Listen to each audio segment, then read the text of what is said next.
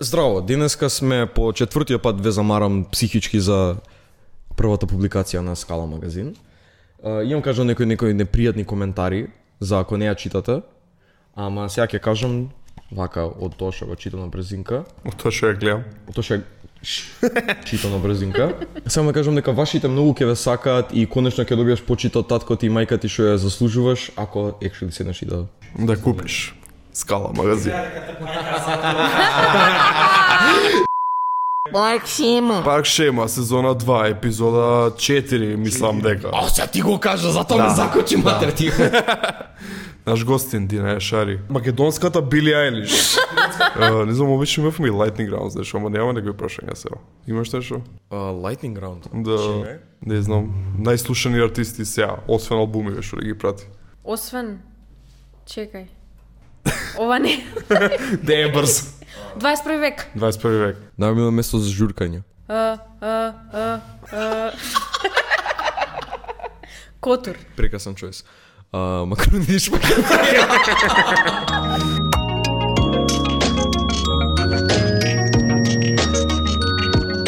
Ова сум очаривен, не, не, не, не очекував дека ќе сфураме вака баде лајкет. Не мислам со Нено ќе опремам, пошто цело време носи науче. Озбилно? Не, може да ги продолжиме. Може да си ги смениме тогаш. Дека немам видено слика без научери.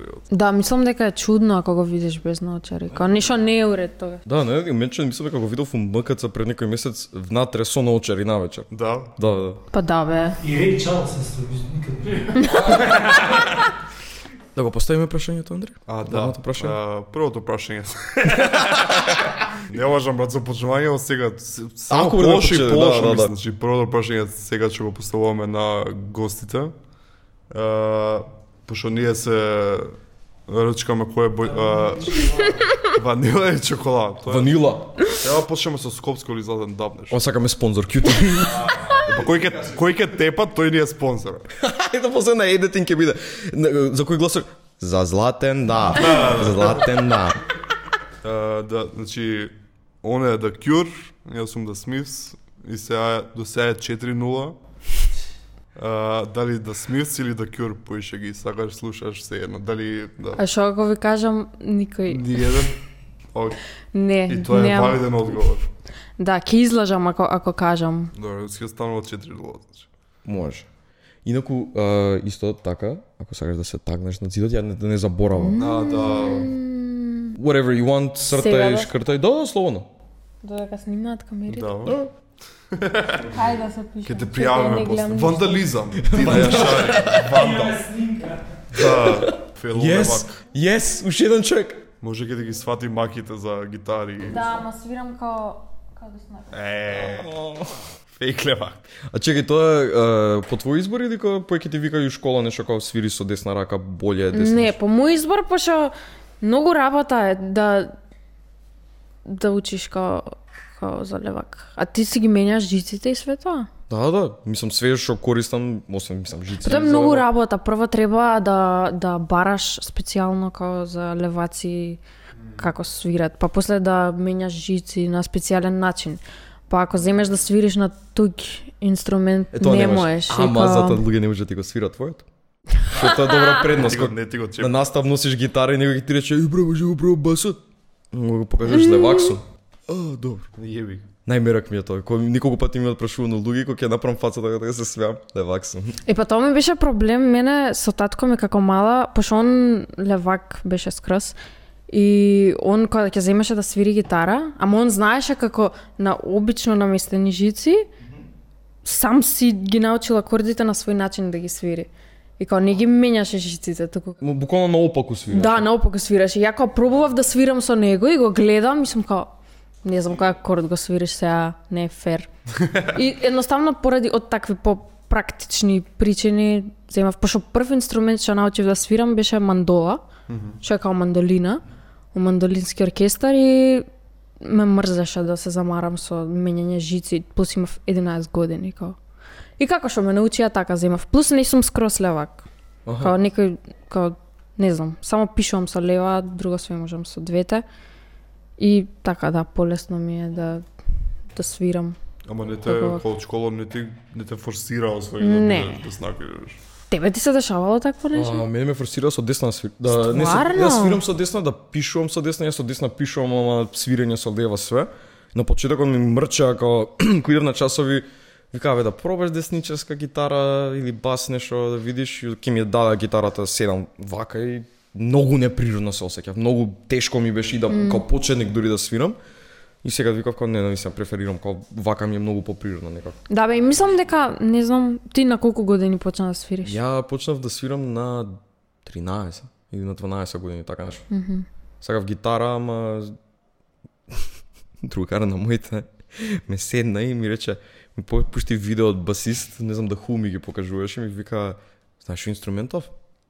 Не, немам поем. Ова е бас. Cool. Ова е подобрата гитара. вика, не, не, не, ми вика, не, не ми рече боле, ми рече, ќе те барат повеќе луѓе. Да, свири па бас. реално, да. Да, да, да. Треба, требало да ти каже тапани, да. Да, да, и викам ајде окей ќе свирам бас и го прашав што треба, не, што треба да знам за опрема да купам такви ствари. А, па ќе ти треба таква гитара, такво појачало, да, м, 100 ватно, не знам што кабли, она, ќе те фати 1500 евра да почнеш. Да, затоа јас само со акустични инструменти се бавам. Се си купив укулеле, најекономично нешто, Nice. најпрактично, онака сегде си го носиш со тебе, само по себе свири, као не мораш да се замараш. буквално Уште не ги знам акордите. акорд, Да, буквално, ама беше. 7 ти е трен. Да, Многу е чудно за штимање, ама постојат штимери. И така е, многу Јас се земав по него години, многу е фан да, да го свириш, да си дрнкаш само. Многу, тоа што буквално викаш, што и да само фатиш, искача, функционира, да. функционира. И добро звучи и тоа е тоа. Плюс од друштво не си гитар бро, кога ќе дојдеш со Wonderwall да му свириш некој. Да, си многу го ценам. Јуколеле, бро. Јукалеле, е, боле е јукалеле бро Да, да си тоа е него. сто пати О, боле, да. Тоа не, не, многу ме нервираше. Посебно кога басист многу хейтав гитаристи у парк. Да, кога донесе гитара, Да, да. е- еден еднаш видов типат со акустичен бас и се запрашав што правиш. Да. Толку сакал да биде тој тип. Да, толку сака. Сакал да биде парк шема. да, да, Да, укулеле е многу поевтино, е така. да, многу е Исто тука негде го. А што ти текна јукалеле? Па така ми текна дека многу интересен звук има, многу природен звук. И не знам кој дали другарка си имаше купено и пробав да свирам и бев као, ле, морам да си купам. И плюс направив, пошто ја кога настапувам, настапувам со бенд или имам како дуо со гитаристот и пуштаме као лупови и пробав еднаш така со укулеле у тоа и многу интересно испадна. И затоа си купив озвучено укулеле, многу многу интересно. Така многу дава свежина, дава живо нешто. Плюс ја пошто многу сакам живи работи. Почнав нели да свирам на мандолина, после почнав на гитара да се учам сама и секогаш сум го сакала тој природен звук. Плюс да не се замарам со појачала и со тоа до сега што го зборевте. Ја не знам уште како функционираат тие работи, како се копчиња, како се тикаат и све тоа. Многу човек, многу е замаран. Да, особено од да ги бендов, онака мокнеш. сите кога се лее, треба појачала. Да, А, Ја, ја сум збунен на концертот, сега открив дека сите препорачуваат да си купиш, пошто не имаш како обично појачало комбинација глава и а, output, има оделни како глава и output и сите викаат, не бе брат, не се заебави, купи си оделно глава и output. Као многу потешко било целосно појачало да мкнеш со тебе. Ја не знам логиката кога главата е метална огромна, кузне колку тежи, плюс звучникот колку тежи и треба двата да ги носиш вака. затоа јас логично е два сум дела пејачката и си имам микрофон, че си носам со да, мене. ти лаво, не Шейкер. треба ништо да носиш. Чао, пријатно. свилена торба, вадиш само микрофонот, го ставаш. Јас сум спремна, вие не знам што правите тука. Ајде, побрзајте малце. Exactly. Ево со колери многу природно ти доаѓа и, и пеење у а, со Мартина зборевме да ме пеење и свирење у време дека е заебано и тешко и не може, знаеш, од одма да го фатиш тоа, али со колери стварно ти доаѓа, пошто е толку лесно да, Да. го било кој Не размислуваш Да, многу, као само буквално што и да фатиш функционира, особено кога имаш некој што свири, што ти ги свири главните, нели, како се вика тоа, главната хармонија те свири, ти од згора што и да фатиш ќе звучи. М. И као затоа е многу јако, многу сакам акустична гитара со укулеле плюс и не го мислиш тоа и само се фокусираш на пењето. Затоа и јас одлучив, пошто ја музиката си ја правам сама, као на компјутер и свирам и миди клавиатура и се снимам. Ама после кога пеам, сакам други луѓе да свират инструменти, за јас само на пењето да се Да. фокусирам, пошто ти губи, ти вади од фокусот, ако треба уште нешто да правиш во исто време. А за пењето имаш некој како класично тренирање нешто или само од себе? Не, као се запишав на факултет да студирам соло пеење, уствари тоа ми беше како начин да влезам, пошто сум пред предходно без никаква едукација усредни нижа. И заради тоа отидов на пеење на факултет, пошто само со тоа ќе ме приме. Аха. И сум во смерот джез и популарни жанрови и Мартина таму, не знам она дали спомна, и она бевме едно време као бевме колешки, Да. да. заедно бевме во ансамбл, заедно свиревме. И таму научив, онака запознав многу луѓе што се музичари и што ми беше поентата? А, за пеење. пак е, пак е, мислам, научив некои вежби и такви работи, ама пак е многу интуитивно моето Аха. пеење. Пошто ако премногу навлезеш на тоа да вежбаш техника и такви работи, и може и да не ја многу сакам живи работи, како што кажав шест пати до сега. и сакам да е така, да е човечко, да, е М, Пошто не сум не сум најдобра технички, као не знам да ми даш нека песна од не знам, од Кристина Агилера или од не знам, од Адел. Ужасно ќе звучи ако ја пеам. Ама си го најдов мојот стил, плюс пошто учев джез, джез песни, боса нова, такви работи, тоа многу ми влијаеше да го изградам мојот стил. И така, интересно. А како почна да го градиш стилот и како стигна до целта на што ре- кога беше моментот кога застана и беше како окей, ова е мојот глас, ова е мојот звук. Ова е многу убаво прашање. Па, кога почнав на факултет, м, почнав, пошто предходно, не знам, пеев поп углавно ствари. И од тоа што го слушаш и тоа што фактички го копираш пејачот, пејачката што ја слушаш, немав некои конкретни луѓе што ептен ги сакав, што ги копирав или што пеев редовно. Ама кога почнав на факултет, почнав многу джез да учам и такви работи и знам, имав проблем со вибрато, као не може вибрато да, да, да, да создадам, као едноставно не, прерамно пеев предходно. Пробаш тоа? Вибрато. Ако такво како горе доле, да. Тоа е, да, као не, не, не знам да го Мене тоа секогаш ме напињало у пеење, не знам зашо. Да, ама има, значи, има кога да се искористи. И кога почнав да да ја слушам Ела Фицджералд и да да пробувам да пеам како неа, пошто тоа е уствари джезерите као од 14 години идат со постари джезери од нив и свират сегде и и учат едни од други, на пример Ела Фицджералд многу има слушано дувачки инструменти и со лажи како се свират и она нив пробувала да ги копира и и некако и со толку многу пење и сама си изградила свој стил кој што се многу она е како едно од најаките джез пејачки ever. Now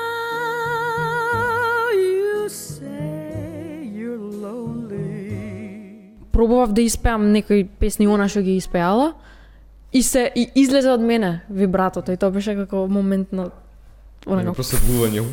Да, и како слушајќи и боса нова на пример, Астро Джилберто. Јас се мислев сега кога ми кажавте албуми да ви кажам, не знам што. а». И сакав да ставам Астро Джилберто, не знам дали имате слушано, она е боса нова пејачка. И така е како многу лагано боса нова, не знам колку имате слушано. Па, она... Пасивно што би се Да, рекол, можда, пушти, можда требаше се да. Да, можда требаше да ставам нешто и боса нова. Ама и тоа многу многу ми влијаеше врз мојот стил на пеење и као така некако пејки туги песни, особено од джез и боса нова, многу ми помогна да да си го создадам мојот мојот стил на пеење, да речеме. Што што може ќе се смени за некој време, може не, може. Ама сега за сега е тоа тоа. Не, значи преку мимика на некој начин да тем, како да кажам, да испробуваш различни Да, да, да, буквално така, како копираш некој друг и ако копираш поише такви јаки Така, така. пејачи, без разлика за сите инструменти е тоа, знаеш, како почнуваш да учиш ти од различни луѓе што го прават тоа, и колку поише стилови учиш и колку поише песни ќе научиш, после у тебе некоја комбинација ти се дешава во мозокот што природно ќе произлезе. Предходно се ми беше интуитивно со музиката, а кога почнав на факултет почнав да учам поише да разлабочувам, да слушам поише стилови. Преска пред да почнеме да снимаме. Ви кажав дека и малце се изгубив во втора година, кај што се осеќав дека не сум не сум достојна јас да се бавам со музика, до таму отидов, како толку пошто стигнуваш до момент кај што сваќаш колку појма немаш. Да, баш. Па мислам дека се повеќе до такви извини што да прекинам, значи такви а, уметнички факултети, не знам, музика, ликовно или драмски, кога на сите им доаѓа тој момент кога шо барам ја тука, пошто Да. напред да влезеш си мислиш дека знаеш нешто и дека можеш ти да знаеш да продолжиш да го учиш тоа, а после кога actually стигаш таму и не знам, мислам дека имаат и влијани и професори и начинот на они како предаваат и како те гледат тебе Да, да, како да, и да, да, да, да, да, да, да. музичар, уметник, што и да е. И кога ќе се сретнеш со тоа колку имаш многу за учење, Да, да. си викаш као, леле...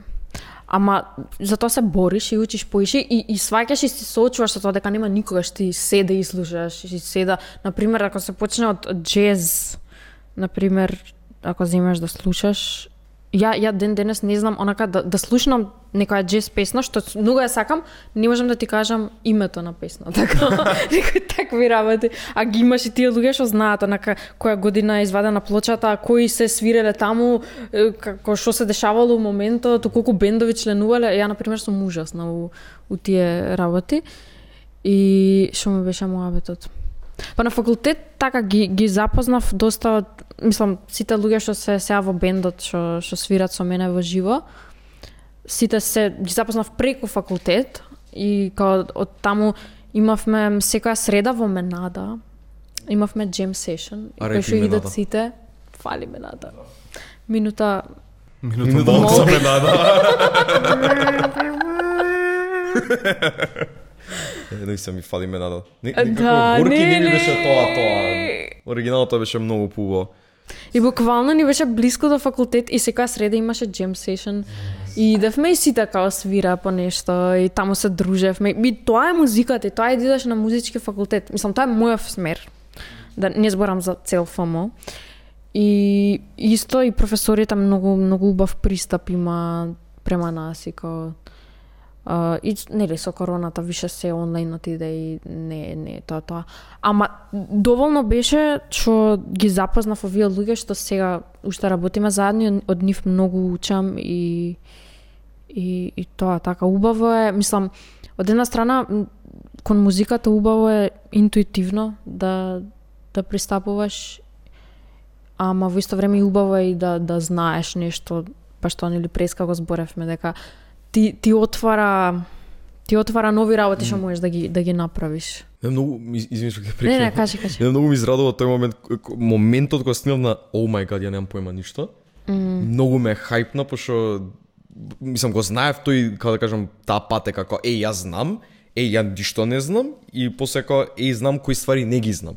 Да, И Да. кога стигнав до моментот, ја немам благе веза што оправам кога почнав да свирам ни да се снимам музика, многу се израдував што како еве го моментот, еве ќе почнам сега да учам нови ствари, да откривам и да што што ти спомнав и преска, кога ќе от- открив ноти точно нака да диференцирам и за подиња на гитара и за бас и да го префрлам тој и на клавир и на на други инструменти, тоа ми беше на mind blown момент од радост кај што фак, еден чекар плюс, еден чекар плюс кога да, стигна. да, да, и, и така растеш. Така растеш и стануваш болја верзија од тебе.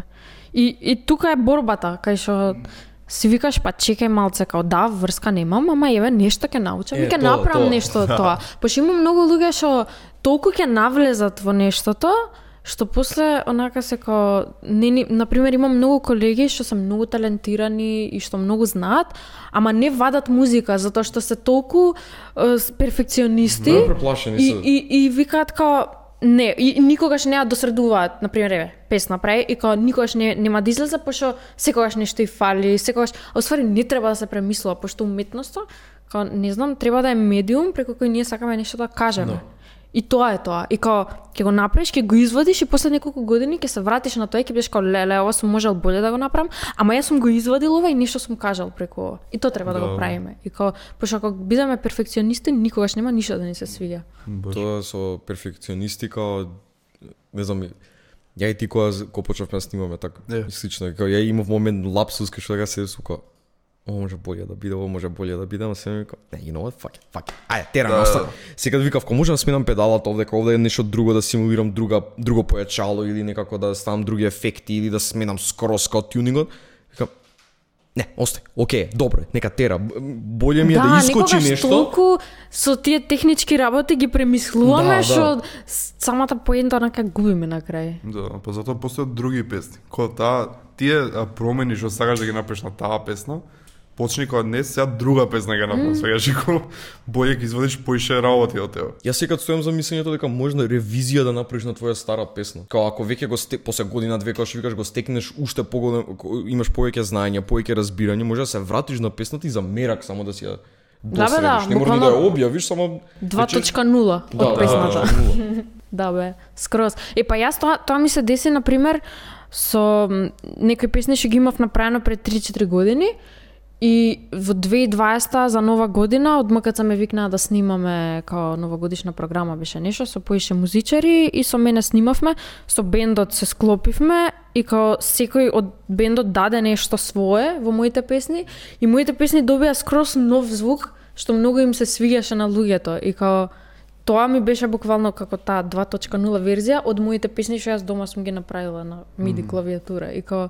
секогаш имаш опции било што да правиш и никогаш дури си пре... и ја тоа имам тој страв дека сум некогаш се осеќам како да сум имам премногу избор и ме фаќа како анксиозност, онака како не ќам и затоа сакам да се ограничувам. Кога си купив MIDI клавиатура, дојде со 5000 бои и една недела бев као само боите ги слушав. И како ова е премногу. И си одбрав некои 3-4 што ми се свиѓаат Така, и само тие ги пра- со, со тие правам песни, пошто не може. Шо миди користиш? Артурија.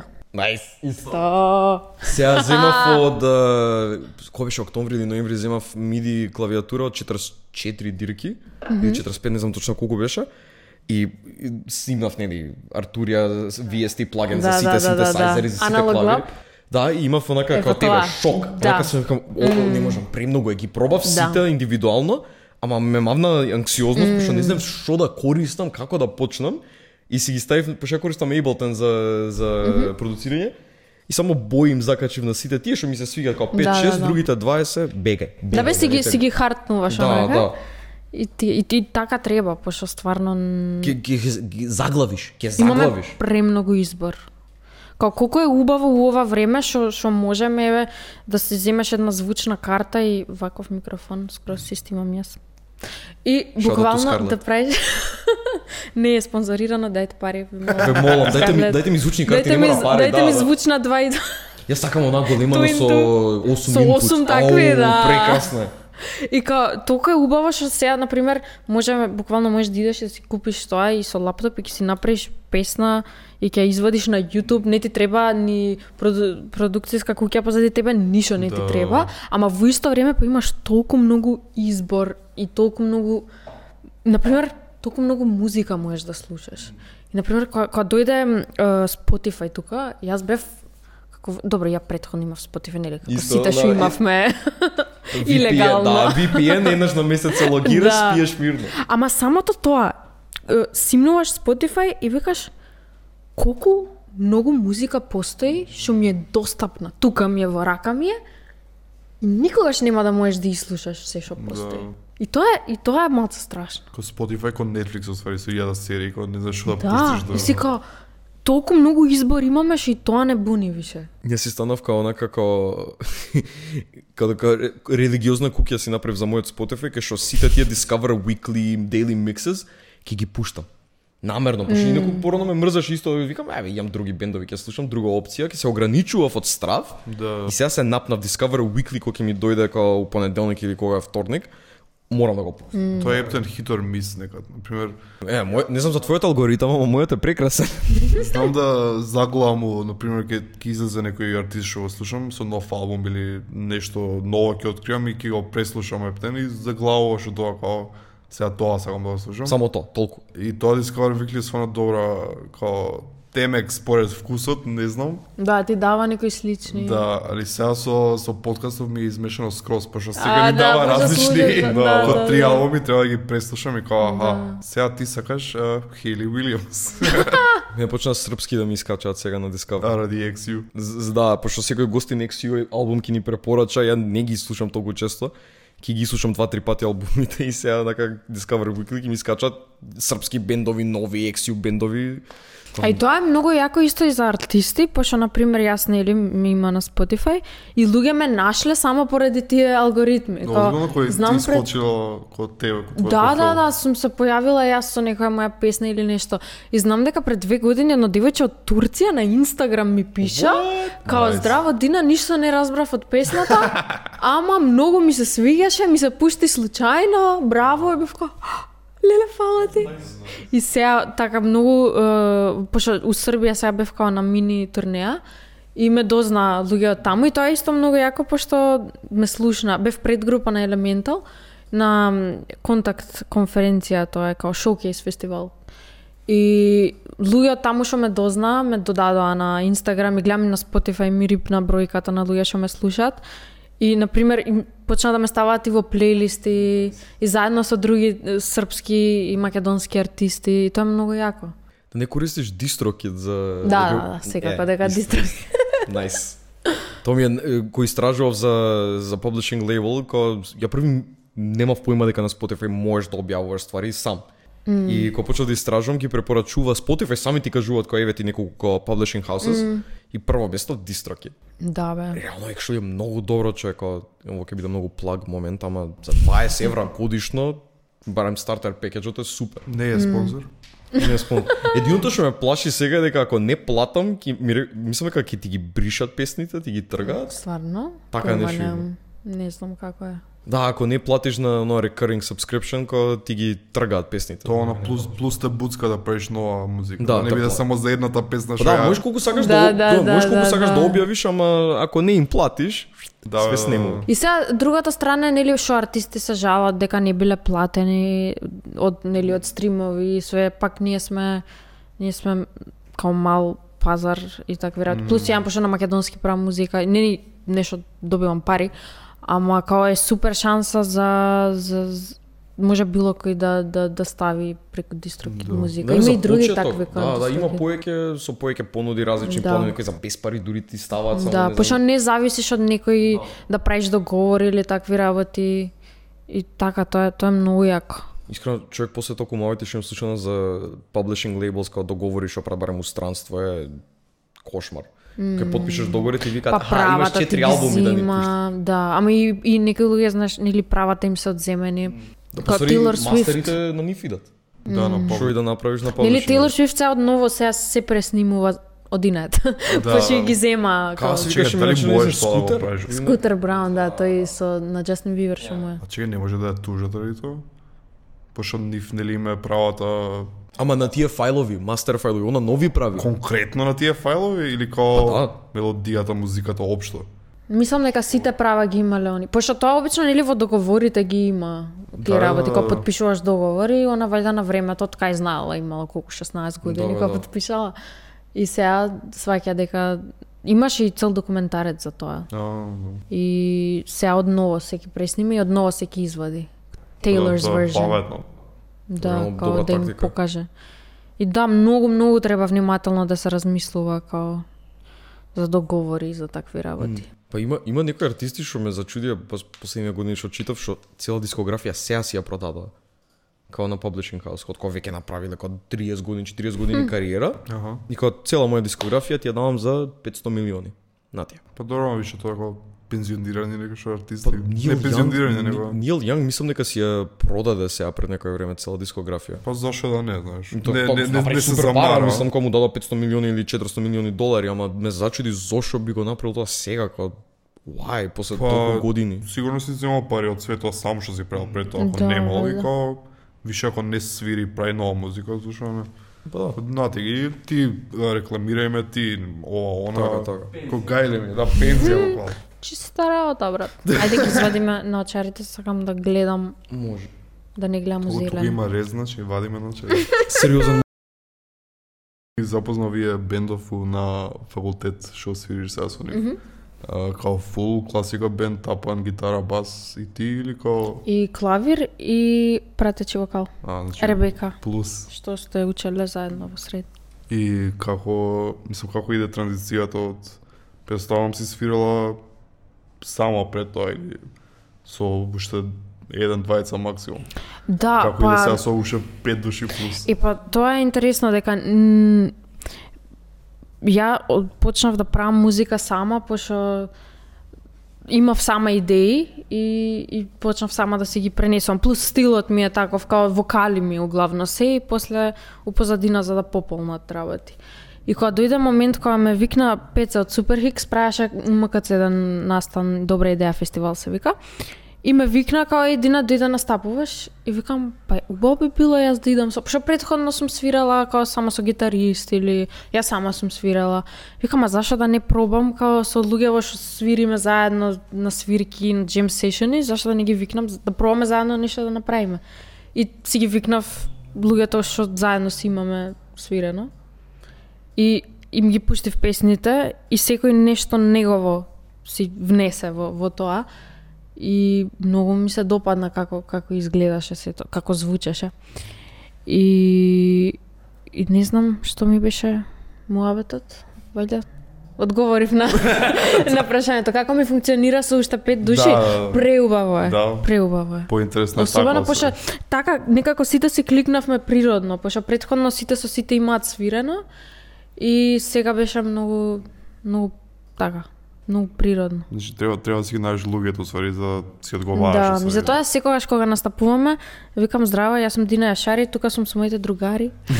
и се се го о И и тоа и тоа се деси еднаш, еднаш се деси тоа спонтано уствари го кажав и сватив уз зборење дека се римува и тогаш почнав како фора. Уствари не, лажам, лажам. Се вратам. На Оревче свиревме лани летото. И нешто требаше да оди лайвстрим на телевизија. И стоевме ние позади сцена и кога каснавме пола саат поради стримот, нешто имаше проблеми и стоиме у бекстејдж и стак сме као леле, ајде више да се качиме на сцена, не можеме. И почнуваат сите да прават како да, како се вика тоа, како рап нешто фристайл, да. И сите почнаа нешто да зборат и да, да римуваат ствари. И ако се качев на сцена, го кажев тоа, инспирирана. И од така тоа ни стана фора. И што ми е муабетот, дека прво ми се другари и после тоа музичари. кои што свират заедно, пошто нормално, мислам и вие тоа го знаете, дека со некој за да свириш прво треба како луѓе да се Да, сакате, да. за после музиката да биде како резултат на тоа другарство и Ја тоа интервју стайл да бараш луѓе и не, не, не ги знаеш ништо да свират со тебе ми е многу weird концепт. Да. Па добро тоа е више ако си професионален као, знаеш. Ако Да, баш мора како и да нас положиш. Македонија нема многу простор за тоа, пошто сите се знаеме Ќе го меѓу запознаеш себе. негде на у Да. Котор кога си отишол на пијачка. Ти спомне ја свирам тоа, Буквално. е па ај дојди. Да, бе, да, и као, например, во Америка, да, постојат такви луѓе што као професионално ги бараат и, например, не знам, конкретно за одредена, еве, ќе треснам свадба, се собрани Да, да. тие и тие луѓе, има и страници на интернет кај што преку кои што луѓе ги букираат и све, тоа окей.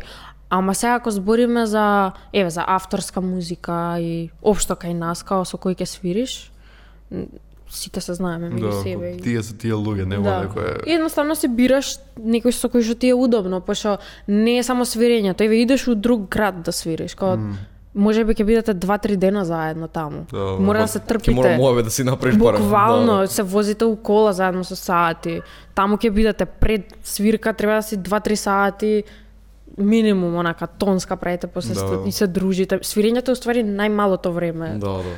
од се и као е многу битно да ти е пријатно, а нас ние, не знам, преубаво ми е со дечкиве и не знам, као се надевам дека уште многу ќе ни биде така. И ќе свириме уште. Па еве да најавам дека ќе свириме на Дфест да ни дојдете летово. Ово да видо. Кул.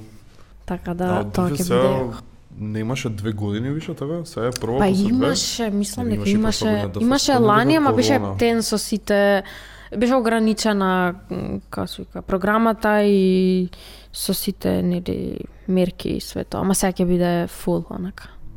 Едва чекам. Тебе сега било фан пошто е таква ептен као на пример други фестивали и концерти окей, као идеш стрикно за музиката, ама е као не знам, посебно ако идеш со шатори, со камп, знаеш, и као цело вакво е. Никад. Не си бил?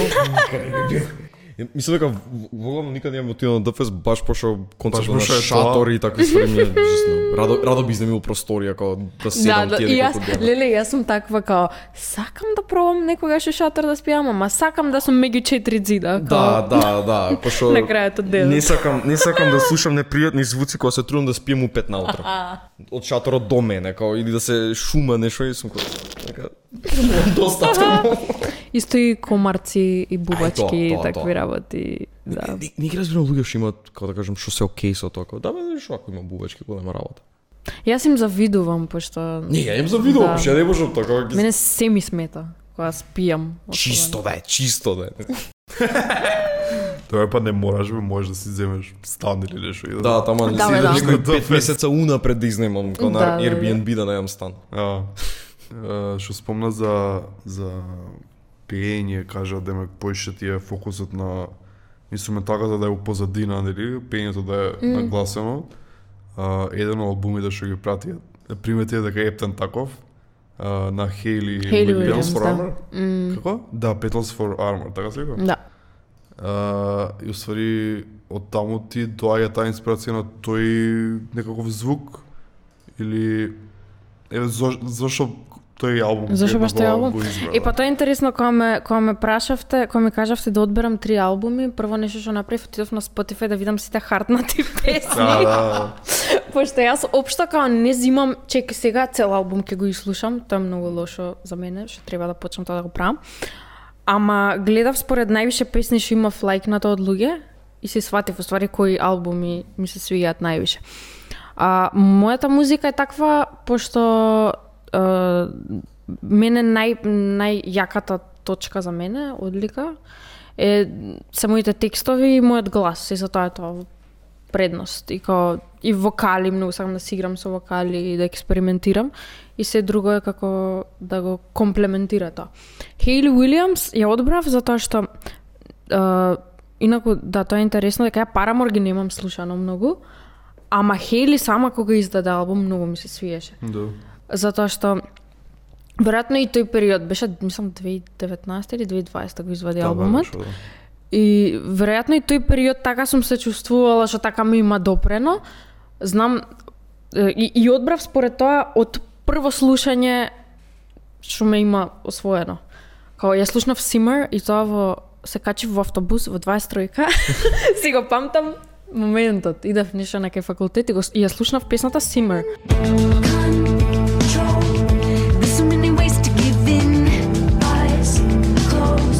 Онака ја слушав на репит со денови и почнав да ги слушам сите песни и општо текстовите и како аранжмански се. Она пак ги има направено песните со дечкиве од Парамор и само она е напред и вокалите се напред. А, И веројатно и тоа мене ме освои, вокалите и текстовите и онака си си плачев и си ги слушав песните и бев као а и многу слушав подкасти со нејзи и као за се што збореше се согласував. И она многу ме као ме, ме охрабри на некој начин да пошто тој период бои ја пишував mm -hmm.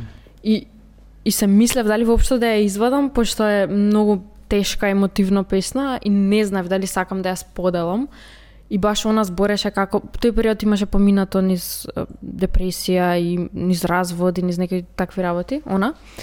И кажува како дека она во музиката се соголува и, и се плашала тоа да го објави, ама кога ги објавила песните добила толку љубов и толку луѓе се сочувствувале со нејзе и, и како тоа нејзе ослободило и, и многу ме, ме охрабри да јас, пошто мене за тоа ми служи музиката, како да се таму да се искажам, да се исплачам, за надвор да се бидам весела. и као, а, многу ме бев као, леле, да, да, да. И, и, и така и јас после Да, после тоа извадив и бои. Обоена во твоите бои сум и нема да заборавам.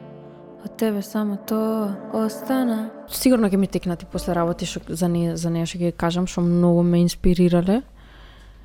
И да, така. Тоа е за Хейли, затоа ја одбрав неизе и песните, пошто и албумот као многу тој период мене ми значеше и, и го имам утепано од слушање. Друг преска сакав да го спомнам. Том Миш. Е, да, втори. Том Миш можам во било кое време, било кога, било каде да го слушам. И, и он е баш uh, преска, то, сакав да го кажам и заборев. Како на факултет со слушање различни музики, ми, ми помогна да во мојата поп музика додадам некои елементи. И тоа е Том Миш, буквално он е нео соул, кој што е комбинација од различни жанрови и пак е поп. Пошто јас сум пак љубител на поп музика, сум као Uh, пошто преска зборев многу за джез, мислам, сакам джез, ама не сум нешто екстремен фан, ама сакам да го користам тоа, да го внесам во поп работи, што имаат форма и е слушливо. Као пошто сакам слушливи работи, сакам нешто да ми се врти у глава после тоа, да, да, не, го, да не можам да го извадам. Да, да биде кетч. Да, и- а Томиш е тоа. Томиш е баланс од, од сите тие работи. Да, Има направено први убав кавер на uh, Gypsy Woman Crystal Waters.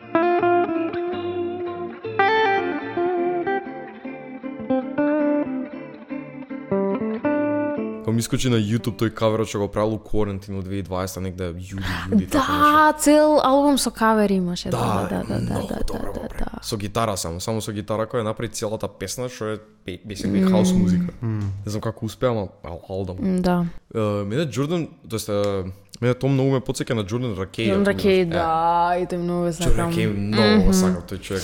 Исто, Пошто исто, си исто. Neo Soul со гласот него све Да, има да, гледано да, како да, воркшопови како у не знам 30 минути видео прави песна некоја нова ја склопува и Исто и Томиш има има исто такво видео и, и тој многу ме инспирираше затоа што таков е како си пробува, си експериментира, Да, да, како да. со миди клавиатура и си прави битови и после врз тоа прави работи. Буквално зема виолина, он не знае да свири виолина, ама свири еден тон и после снима друг тон.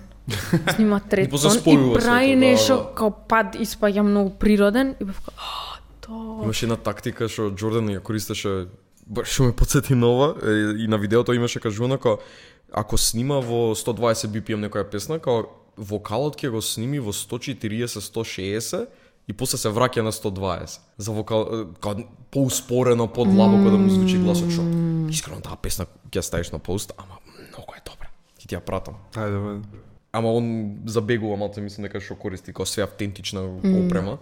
И онака има како редица стек од 7 синтесајзери, многу стари.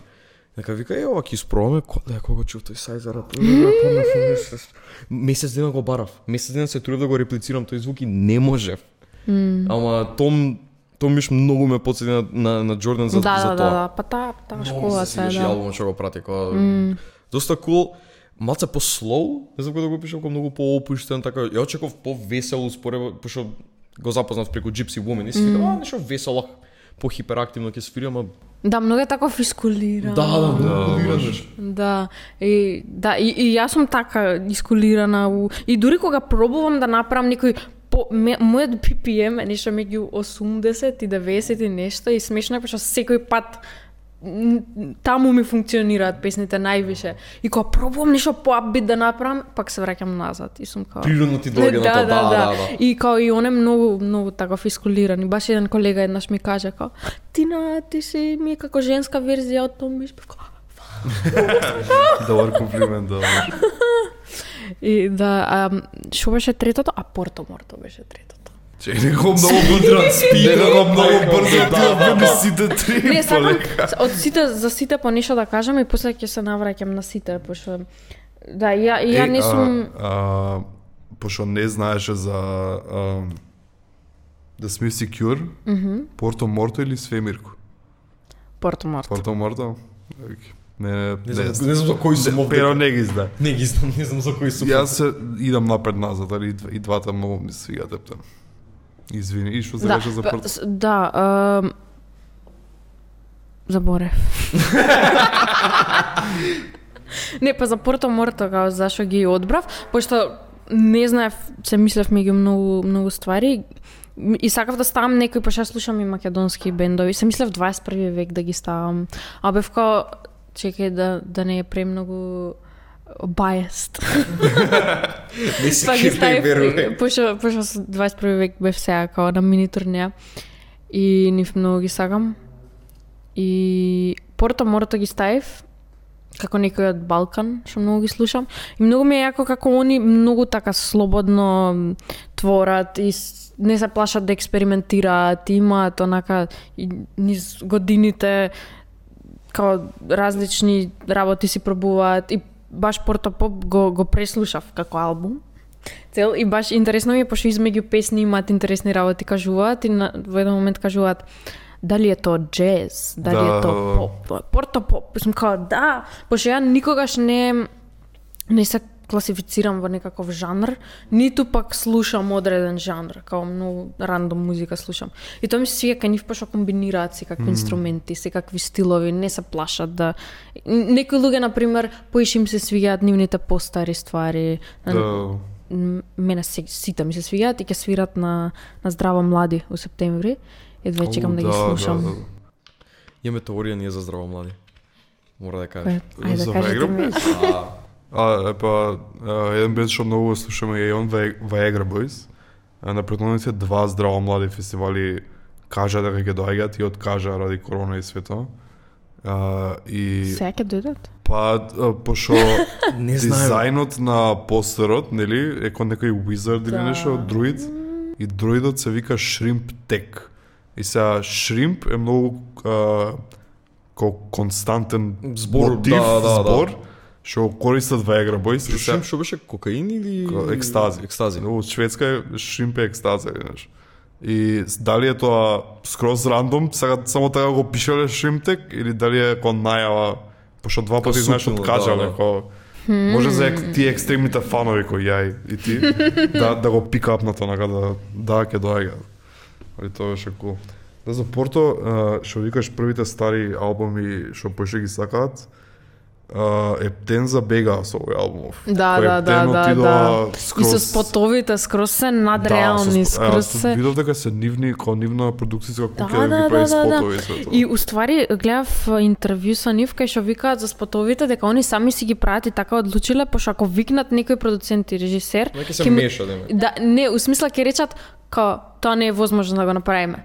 И они се не, возможно. Да. И затоа сами си Ама, со, работиме. и, ама и многу добро изгледаат, као за сами И се грижат за се и за сценски настап и за се тоа. Мислам, ка- Пошто на пример мене ми е многу и општо на повеќето музичари слаба страна ни е визуелниот момент, тоа да дека треба уствари ти да направиш шоу некакво, знаеш.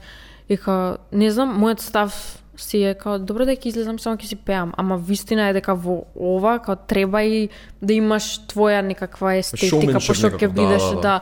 Или општо не знам за спотови за такви работи, што порано нешто не сум се замарала, ама баш не знам и, и Порто Морто многу ме мотивира да почнам и ја нешто мое да имам, пошто ја ги гледам нив како гледач и како слушател и викам и ама јакој Например, тоа што излегуваат со куки на главите да, Да, пеат таа е многу добра песна, Ку- Куча.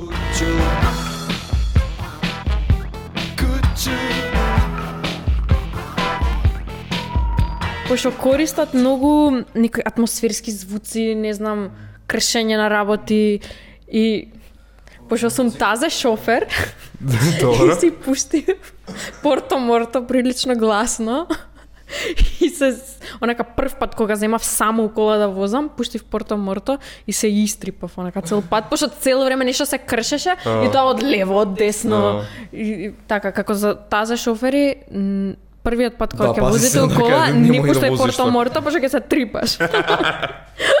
Само што спомна експериментални звуци, имав PTSD флешбек од идоли. Од доле. идоли. Пошто ги слушав пред некој време прв пат и имаше една песна што буквално беше 3 минути од, од експериментални звуци, кршење стакло, mm. као спреови, све, онака седам, седам се... се сецнам. Почнаш да слушаш нешто што не постои. Да, да, се трипав сам си седам у стан дома со мачката, онака се, се мазиме и само знаеш... Шо? Да, да, да. Си спреј? Ко сватив дека е песната многу се напна. Да. Се дека захейтав моцо заради тоа, пошто бев ко доста со спрејот, гаси го те молам. Океј, го чуфне. Да. А ти ми ги пушти едно од видеото на Порто На. Порто ти го пушти видеото со Дарко Со Рунде. Дарко Рундек.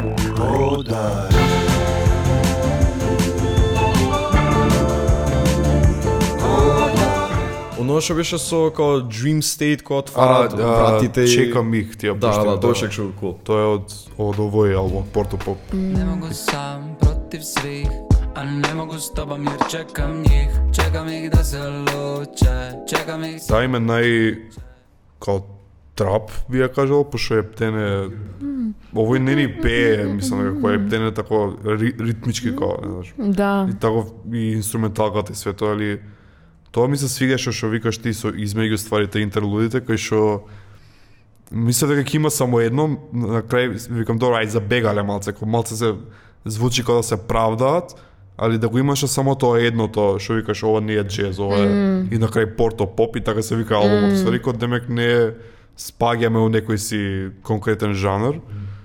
Uh, тоа пошто вајда многу луѓе биле ко знаеш, еј сакам кучу, сакам Да, Она да, и друга, многу тај се као, као, шо е така се ова, се да, боле. Ако нема врска, само Да, и као се експериментирале, Да. да. се дека на крај е добар албум, мене ми се свига, и мене и старото ми се свига, нали, и ова е како, знаеш, добро, како многу добро. Да, бе, да, нешто различно. И како многу уникатно, нема што, не можам јас со никој друг да ги споредам. Да, Да, речам, баш. ми звучи на некој. Баш е Порто Морто, Порто Поп. Порто поп, да, си и, јако ми е, ја на нив им реакнувам на Инстаграм и све, и ми враќаат. Ова курчење е најс. Е, мене свемир кој ми врати, ја. Баш кога ќе излезе на Spotify или нешто веќе, уживај сега. Фонтейнс. Со Фонтейнс се допишував. Себестиан Мърфи. О, да, а, тебе не ти врати, ти не му ми пишеш, врати. ти само скриншот доби од тоа. Интеракцијата, не се важи. Не се важи.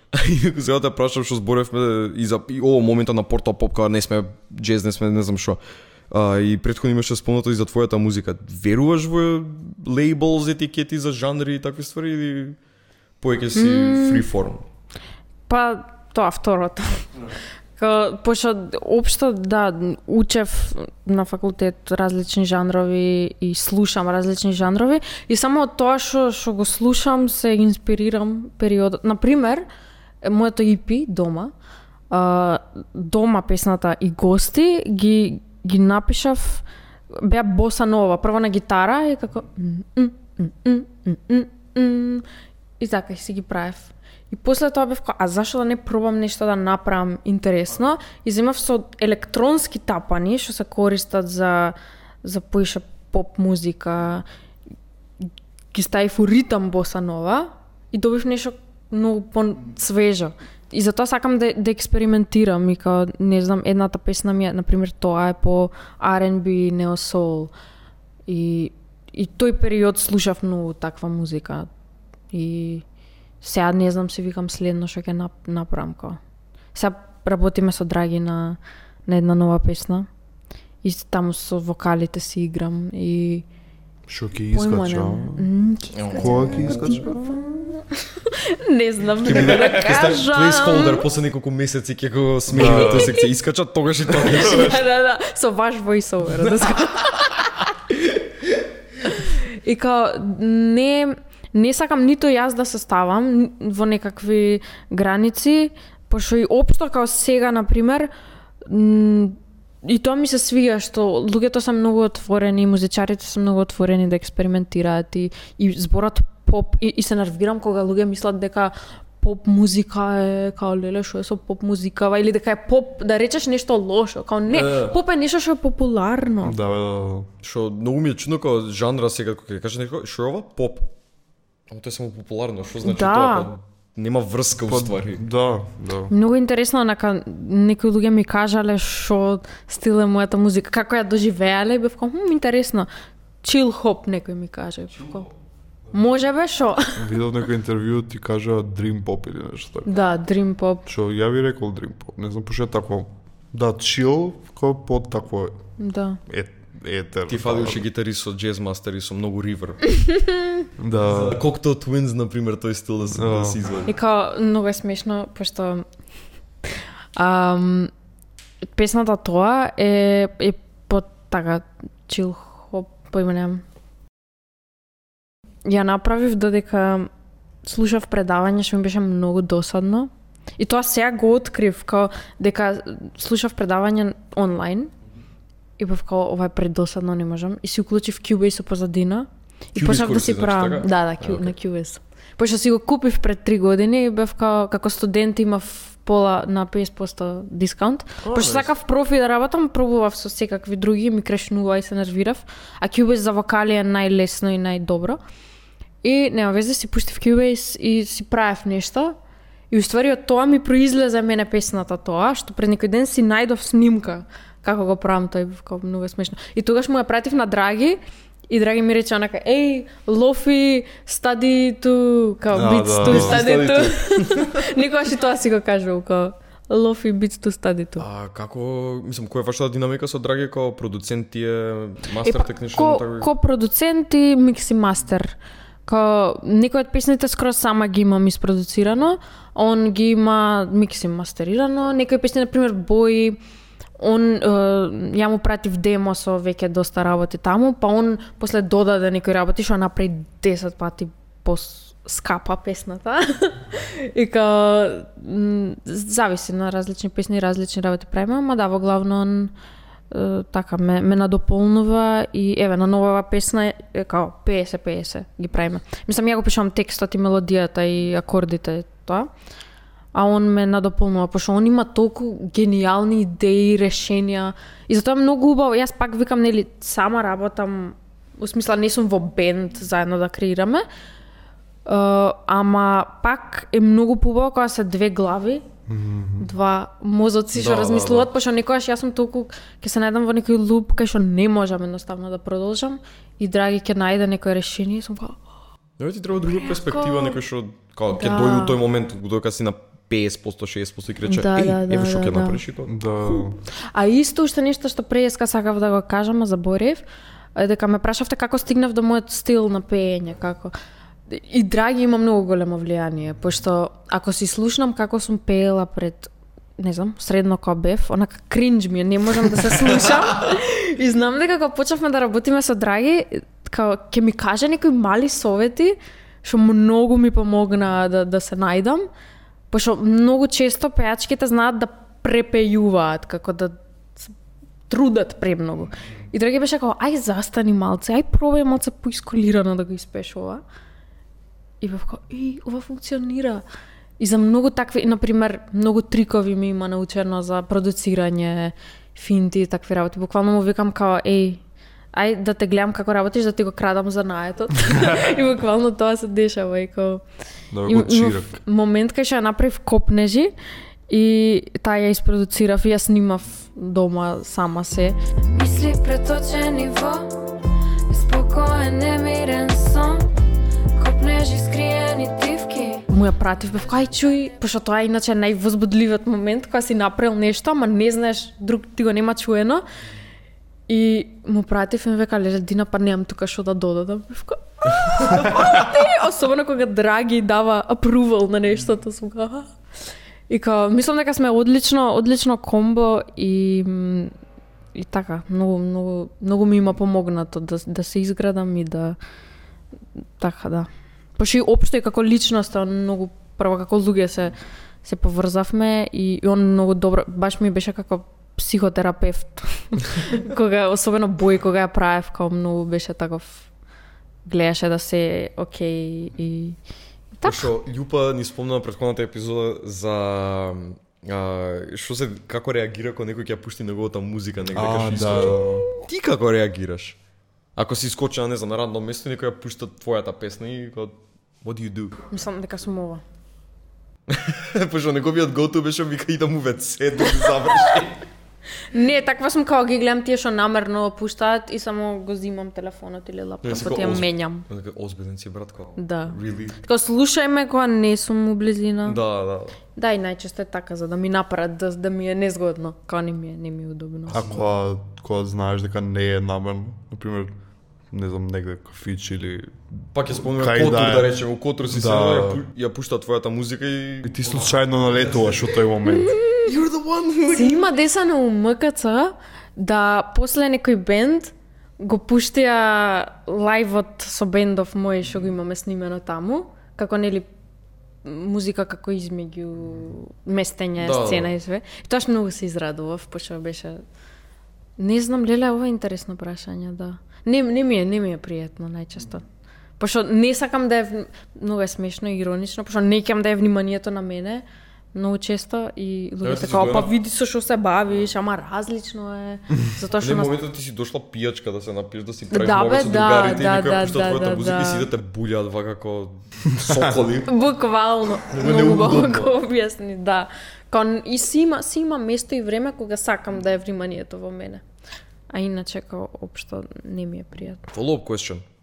Дали сакаш ти повеќе да си на бина или у публика? Ух, двете ги сакам многу. Двете? Да. Тоа е многу интересно нешто што го научив од Васко, Бернис 21 век. А, што бевме сега заедно на Мини Балкан тур и оне двете. Оне буквално стои на сцена, пее, мислам дека ќе издржи као до пола песна и се симнува меѓу публика, зима ги гушка луѓето, хай фајв, Уште си пее, си се поздравува. Тоа ми беше прејако. Не, мислев и поточно во Пошто смисла тоа е двете. Да, тоа е комбинација уствари на двете, пошто не знам, ја од што имам настапувано на такви ствари, сватив дека многу преферирам да сум на бина, пошто многу е акорд кога си у публика, барам ја дека не ден сам не Збориш правам. кога слушаш? Као слушател, дали да си слушател или сакаш ти да настапуваш повеќе? Двете. Двете? Код двете, пошто не знам, не, не можам не можам да ги споредам. Убаво е да Двете се многу убави. Тебе ти е подобно Особено да свириш? Тебе ти е подобно да свириш? По, многу полесно ми е да повраќам позади у вецето пред настап, да се стресирам, за дали добро ќе звучи, него да седам у публика и онака ти ден са другарите, абе брат, што преш ти, јас седам со пијачка така. Па добро да, ама ама пак е различно, не можеш да споредиш. Паш у публика ќе слушаш некој што многу го сакаш и што ш- буквално музичарот тоа го прави за луѓето. И ти стоиш и со го конзумираш тоа што у моментот се дешава. Ја, ја најчесто имам навика кога седам публика и само вака прекрсти раци и анализа само на, на опремата и што свира, што прават, ко Еј, го знам тој бас, еј, го имам добра гитара, и ова појачава е многу добро. Дека чекаш нека грешка никој да направи си го Фатив тука, окей, окей. Добро. Е па да, добро, тоа се снајде, се луѓе снајде што што се бават со тоа со свирење, најчесто има така што што ама ја гледам да не гледам да гледам како слушател, како гледач, како така да да да ја восприемам музиката у моментот Да, што се да. дешава. Пак е боле искуствено канате од него да земеш да анализираш кога што прати што се. А многу често несвесно тоа се дешава. Да, Сум се да. фатила себе си како за Е, некој сум тоа. Мм, мех пе. Можеш боле Очекував да, поише. И сум као, не, прекини, као, дојде на си тука и... А интересно е пошто, и на пример колку поише настапуваш, и ако се, на почеток ми беше многу тешко да се гледам и да се слушам себе си, како пеам, како се понашам. Ама тоа е многу здраво, пошто, е, нели, за време на корона, во ствари, ја ги имав моите први настапи, што беа повеќето лайв стримови. И многу се израдував прв пат кога пеев и кога немаше лайв стрим, пошто можевме да бидеме опуштени сите, и да не се замараме. Ама и многу е здраво да се гледаш, например, општо не знам, како стоиш, како какви фацијални експресии правиш, дали се радуваш додека свириш или премногу го премислуваш тоа. Ко... Ето го да имаш као фидбек као на лайв стрим, као камера и мислам екран се гледаш себе си као реагираш real life, Да. real time си као правам добра фаца, да окей се смеам. Да, и тоа тоа окей. толку онака н- и многу е убаво, пошто музиката е нешто што моментот се дешава и мојот најубав настап не беше снимен. И мислам дека и ради тоа ни беше најубаво. Пошто тоа беше лани во јули на син, во склоп на Синедес и беше надвор и заврна сред настап. Цел ден врнеше, као се откажа филмови, проекции и такви работи и ние до последниот момент не знаевме дали ќе се деси и не знаев дали ќе дојдат луѓе, као и на крај дојдоа луѓе и не врнеше и, и сред концерт почна да врне и луѓето останаа и кој беше преубаво и не се снимаше и сите преако си поминавме и онака луѓе што биле тогаш ми кажуваат као леле тоа беше најдобар настап. И стварно е така, као, и за тоа е најдобар. Веројатно да го имам сега да го гледам, ќе бидам кам, чеки тука шо правам, леле, зашто е ова вака, ово изгрешил. А не, сега го имам како меморија, дека преако сме си поминале, дека врнело и дека у моментот се десило и сите сме уживале. И тоа тоа е најубаво. Е боље без документација, што би се Да. без некаков снимка, слики, било што. Као убаво е да го имаш како за спомен, ама ќе почнеш да го анализираш и после ја губи магијата. А тоа е поентата на крајот од денот. Као да уживаш во моментот и, и да го да остане таму кај што е. Не мора да се навраќаме. Да, е, зато, зато сега ми е чуден тој концептот на идеш на свирка на настат било што и као 90% од времето, извини, 90% од времето ваков си со телефонот. Не Да. ни играш, не ни уживаш Да, музиката и го снимаш да. тој што настапува. И шо шо направи уствари као вау, имаш убава Се снимка. дома и после гледа на YouTube некој друг што снима. Ова да, Да, се да. направи као фора, као правило, на пример, да речем на настап дечки, ова е вака една капа со која што ќе помине телефоните да- некој и Е, стаите ги да, да, телефоните, ќе стаат тука. Има има некои што кога настапуваат има jamming signal као ти спречуваат да објавуваш или немаш интернет и такви ствари. О, да, Тоа е али малце екстремно. Екстремно е, ама као Да, пошто ти прекратува некоја слобода. Ама убаво е да си да си тука, као. Да. Па тоа да уживаш во моментот кога гледај го со очи, не мора преку екран вака да седиш со со телефонот, кога нема поента. Да. Пошто имаш окей сним, извини, имаш медиокр снимка со твој телефон, рандом Samsung S8 или шо и да е, ама Кога барем не знам. Да, и шо? После неколку месеци ќе си го пуштиш да го гледа. Уживај, ќе да го запореш да, да, постои. да. Да, да, да. И дури да го Да, така само стојат така. и дури да го пуштиш кога ќе седиш најчесто три наутро у кревет досадно ти си ја гледаш снимката и си ка Ха, уште една снимка што ми зафаќа меморија, Да, да. делит. Ајде, избиша, да. И исто многу ми е убаво кога сум со со бенд, пошто имам плюс 5 души со мене, што заедно си споделуваме енергија и, и така, не знам, многу е убаво тоа. И плюс публика, кога ќе видам луѓе како слушаат или им е убаво, и мене ми прави да ми е многу убаво. И на сите ни е многу убаво. Да. Да сигурно е пострашно ако си сам на бит. Пошто вака, например, имаш позади тебе или до тебе се едно музичар и си ко...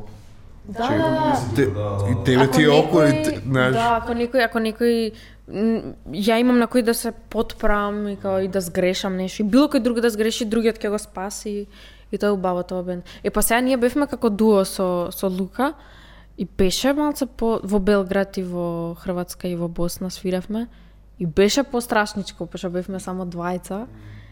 Ама има убавина, во, во се има убавина и треба да поминеш се. Ама има повеќе интима кога си еден човек или двајца, ама пак цената што ја плаќаше стресот повеќе и дека тремата е многу поголема за ја Да, не зезам, ја да е се поголем, пазам, да. Пошто буквално кога сум обколена со уште пет души, не морам ни да се трудам, ти текно, они сите свират, и јас сум тука. Па, а ако сум сама, ама пак, се тренинги тренинг и се Например, еве, Били Айлиш иде и сама со брати настапува. Има еден тапанар на страна што што го има и сме како Били Айлиш мојата што ме споредуваат сите со неа. Ама стварно, као она може да земе цел оркестар со неа да свири. Ама не, одбира само со брати да се појави. И уште еден човек. Затоа што тоа е убаво и тоа не за представува најдобро. Као, нема правила. Знаеш, некои луѓе се као, леле, чекај, зашто да ставам матрици, као сакам се да е живо и се, ама нема ништо лошо ако стаиш и матрици. Не... Ако ја прави музиката боле да звучи, стај ги, као зависи кој жанр си и све тоа. И затоа јас сега експериментирам. И се додека има живи елементи, топе. Да. Тоа што имаше спомната преска за албум и слушање, дека поред кога ги слушаш од почеток до крај. Као преферираш повеќе, како да кажам, компилација албуми што се као по рандом песни кои собрани или концептуални албуми исто слушаш? Што се нека една прича соварена во еден албум од почеток до затоа крај. го ставив Порто Поп, пошто тоа е еден албум така што го имам и слушан од почеток до крај. А сега пробувам така да се терам концептуални албуми да слушам, пошто има зошто се направени и има приказна и се и што што беше мојавет? Почнувам да се гасам. Не, живе, живе. А, па не, тоа дека Да, концептуални поише албуми се слушам многу посебни песни, да, пошто фокусот ми бега, као стварно немам фокус еден сат да седам и активно да слушам музика, мислам да бидеме реални. Да, ред, редко е да седнеш од од почеток до крај буквално пошто саат време еврич на сите албуми Ја, Сите имаме тежко. attention span. Ја го Да, кривам да. TikTok. Овде така. Што премногу се дремам на TikTok и Не, гледам видеи. може да, да изслушаш некој албум што не ни знаеш дека е албум, во смисол на рандом песни од тој артист и ко ќе ги изслушаш, пример, денес, две ќе ти искочат на YouTube или што Да. и да е. И послуша некој, и ствари се биле усклоп на цел албум и си го технички Да, и изслушаш. нема шанси сите песни еднакво да ти се свиѓаат. Да, и тоа баш. И, на пример, и плюс сега се менјаат работите. На пример, сега многу поише и пиња се вадаат Да, и така, да. да. што се многу пократки и се одбрани, конкретни песни, без филери, без ништо, што се сите добри песни и убави и кечи и све тоа и си ги слушаш. А на пример, порано било форсирано на минутажа поише да биде и многу ставале филери и ги правеле долги песните. Потешко е да го слушаш тоа. И затоа ми се свиѓа што се има по кратки албуми, ама се што ќе слушнеш ќе се свиѓа многу, као нема нешто ставено намерно. Го интересен момент, пошто има некои филер песни баш од тоа дека од форсирано направени што испагаат многу забавни за слушање. Да. Као Фитер Хепиер што ја зборавме. Пошто тоа не е песна, ама као филер е ставено, ама мене многу ми се свиѓа, најмилен од албумот ми испадна, од OK Computer што има. На Radiohead. Оке, прекинам за Radiohead. Нема више тоа Е, ќе супер, да да ме тепа веќе, пошто многу зборам за Radiohead. А иначе едно нешто многу јако што го има кажано Томир во мислам дека во тој истиот подкаст преиска што го спомнав.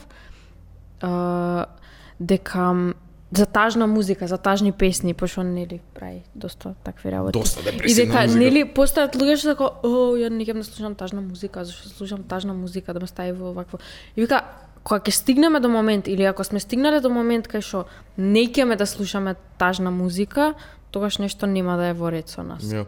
Не, тоа го чуено исто. Па, за, не знам, хотек ќе бидова. Ја мислам дека тажна музика е многу поавтентична и многу по, како да кажам, сурова и по повеќе треба да се цени него весела музика. Да. Тогаш, пошто тогаш највише уметност се правеле време во в- се, највише уметност се правела во времења кога било најтешко. И плюс као самиот артист во најтешките моменти ако можел нешто да извади, такво е феноменално. Освен еден албум, што го имаме зборено, тоа е најлошиот албум, што го најтешкиот албум за слушање. Тоа е. Crow Looked at Me. Што uh, тоа? Mount Erie.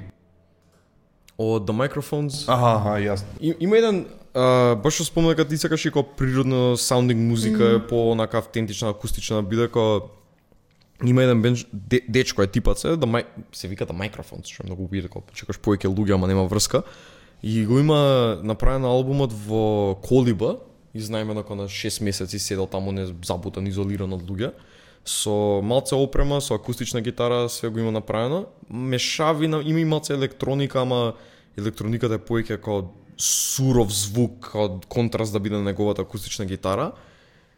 И типот има направено еден албум што е толку тежок за слушање, пошто го има снимено буквално почнал да го снима денови од кога умре жена. Као првите 40 дена ги има документирано на некој начин како се осеќал, што опрел со керка им, што останало, мислам, све и тој албум е толку тежок што буквално не можеш ни ранкинг, ни бројка, ништо да ставиш пошто е толку суров, толку е чист. Тоа е со тажната музика дека и е од потреба да нешто Од потреба да да направиш, изразиш нешто, да, да. да направиш нешто со тагата, као Да, и, и јас од таа причина и почнав и да творам, пошто бев као се онака изморена сум од плачење, од тажење, као дај сакам да ја извадам, да ја ставам у нешто и као да ја баталам, не можам ве, више. И од, од најчесто луѓе од таа причина и творат. Нема, мислам дека не треба толку, пошто цело време некако у секоја генерација на музика или декади некако тој момент на the struggling artist, као е промовирано во смисла да овој стварно имал што да каже, кога не викам дека лошо, знаеш, треба да се дешава и добра музика искочила од тоа, али доаѓа другиот момент на кај што ако не е тоа, не е вистинска е музика или емоција, кога идеш на другата екстрема, кај Да, што да, некој да, е што правил музика од мерак, од, знаеш, од пошто е забавно, кај на е забавно, као? да, да. не е вистинска уметност, нешто што е више нели екстрема друга, али као знаеш, има и двете страни, као не, и- не е има само две тоа. страни. Да, да, Тоа, да, тоа. да, Сега, да, сега да кажам за мене, Да, да, нај јасно. ме трогнува таква сериозна тешка музика. Не, пошто мислам дека глобала public image за такви некои ствари е дека е тоа е тоа, па Да. тоа е Да. уметност и тоа е музика. Пошто, пошто ја тргнувам од страната дека сега најпопуларната музика се такви како со највише views и гледаност на YouTube или на Spotify се такви тралалајки песни. Треба што лајка се- со чудно мюзик видео, некој рандом што го Да, измислил и- на онака фрлање коцки, окей, тигар ќе имаме тука, тука Ламбургини, тука не знам, мајмунчиња. Да, да, да, Да. да, да. И од од тој аспект гледано го ставам тоа што Томјор го кажа, пошто јас сум наишла како артист на многу такви коментари како Тина, абе, добро ти музика, ама дај нешто малце позабавно, да текнува. дај нешто по апбит, дај нешто по и сум као луѓе, како да ви кажам дека не ми е тоа поента. Да, да, Пошто има луѓе што прават музика чисто за да заработуваат пари за да прават журки, што нема ништо лошо со тоа, ама зошто не може да го подценуваш ти ти друго. да, да. И од, од, од таа страна јас тргнувам. Депре музика секад. Абе, дек, А, поддржи го твојот локален артист што пишува жалопојки. е така. Ти ќе бидеш со мене у бенд, бе, не се заебавај. Брат, зборев за општо, не, не дека моje гледиште, нешто него Е, онака. фер, фер. Не, не, точно, точно. Скроз убаво, е- убаво е сите аспекти да ги кажеме. Не, го разбирам потполно Андри, пошто ја го имам малтретирано со многу многу лоша музика. Многу тешка музика за слушање.